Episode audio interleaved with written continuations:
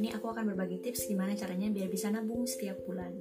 Nah, bagi teman-teman yang merasa nabung itu sulit, teman-teman harus lihat video ini karena aku akan berbagi tips yang mungkin teman-teman belum dapat di tempat yang lain. Nah, jadi bagi generasi milenial khususnya yang belum menikah atau belum punya tanggung jawab pasti nabung jadi salah satu hal yang sulit karena kita nggak ada tuntutan harus membiayai siapa dan juga nggak ada tuntutan untuk menafkahi orang lain gitu selain diri kita sendiri ya beda nih kalau misalnya teman-teman uh, harus membiayai orang tua adik atau pasangan. Nah itu kemungkinan teman-teman akan bisa nabung lebih mudah. Nah tapi kalau misalnya nggak punya tuntutan pasti menabung akan jadi lebih sulit gitu. Ini bagi sebagian besar orang ya. Kalau bagi teman-teman yang merasa ah, aku gampang banget sih nabung setiap bulan nggak ada masalah. Oke silahkan skip video ini ya. Karena ini diperuntukkan bagi teman-teman yang pengen mencari tips gimana cara biar bisa menabung setiap bulan. Nah, jadi permasalahannya adalah kita tuh sering banget nabung dengan cara gini. Kalau dapat gaji setiap bulan, setelah itu baru nanti kita bagi nih buat makan sebulan berapa, buat uh, buat bayar kos misalnya atau bayar kontrakan, terus udah gitu sisanya nanti buat liburan atau jalan-jalan. Nah, setelah itu kalau misalnya ada sisa lagi, baru nanti akan ditabungkan.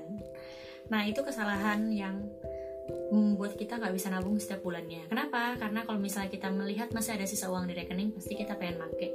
Misalnya gini, uh, teman-teman misalnya gajian 2 juta nih untuk biaya hidup habis 1 juta, terus udah itu 500 ribu ya buat kos, dan masih ada sisa 500 ribu nih, yang katanya kan buat uh, self reward nih. Nah kalau misalnya ada 500 ribu pasti akan berpikir dipakai aja, dipakai aja, dipakai aja, terus nanti pas di akhir bulan tiba-tiba oh mau jalan-jalan nih ke sini. Eh tiba-tiba ada teman-teman yang ngajak buka bareng. Atau misalnya eh ada yang ngajak nonton. Ya udahlah akhirnya kepake lah uang yang sebenarnya itu seharusnya bisa buat nabung.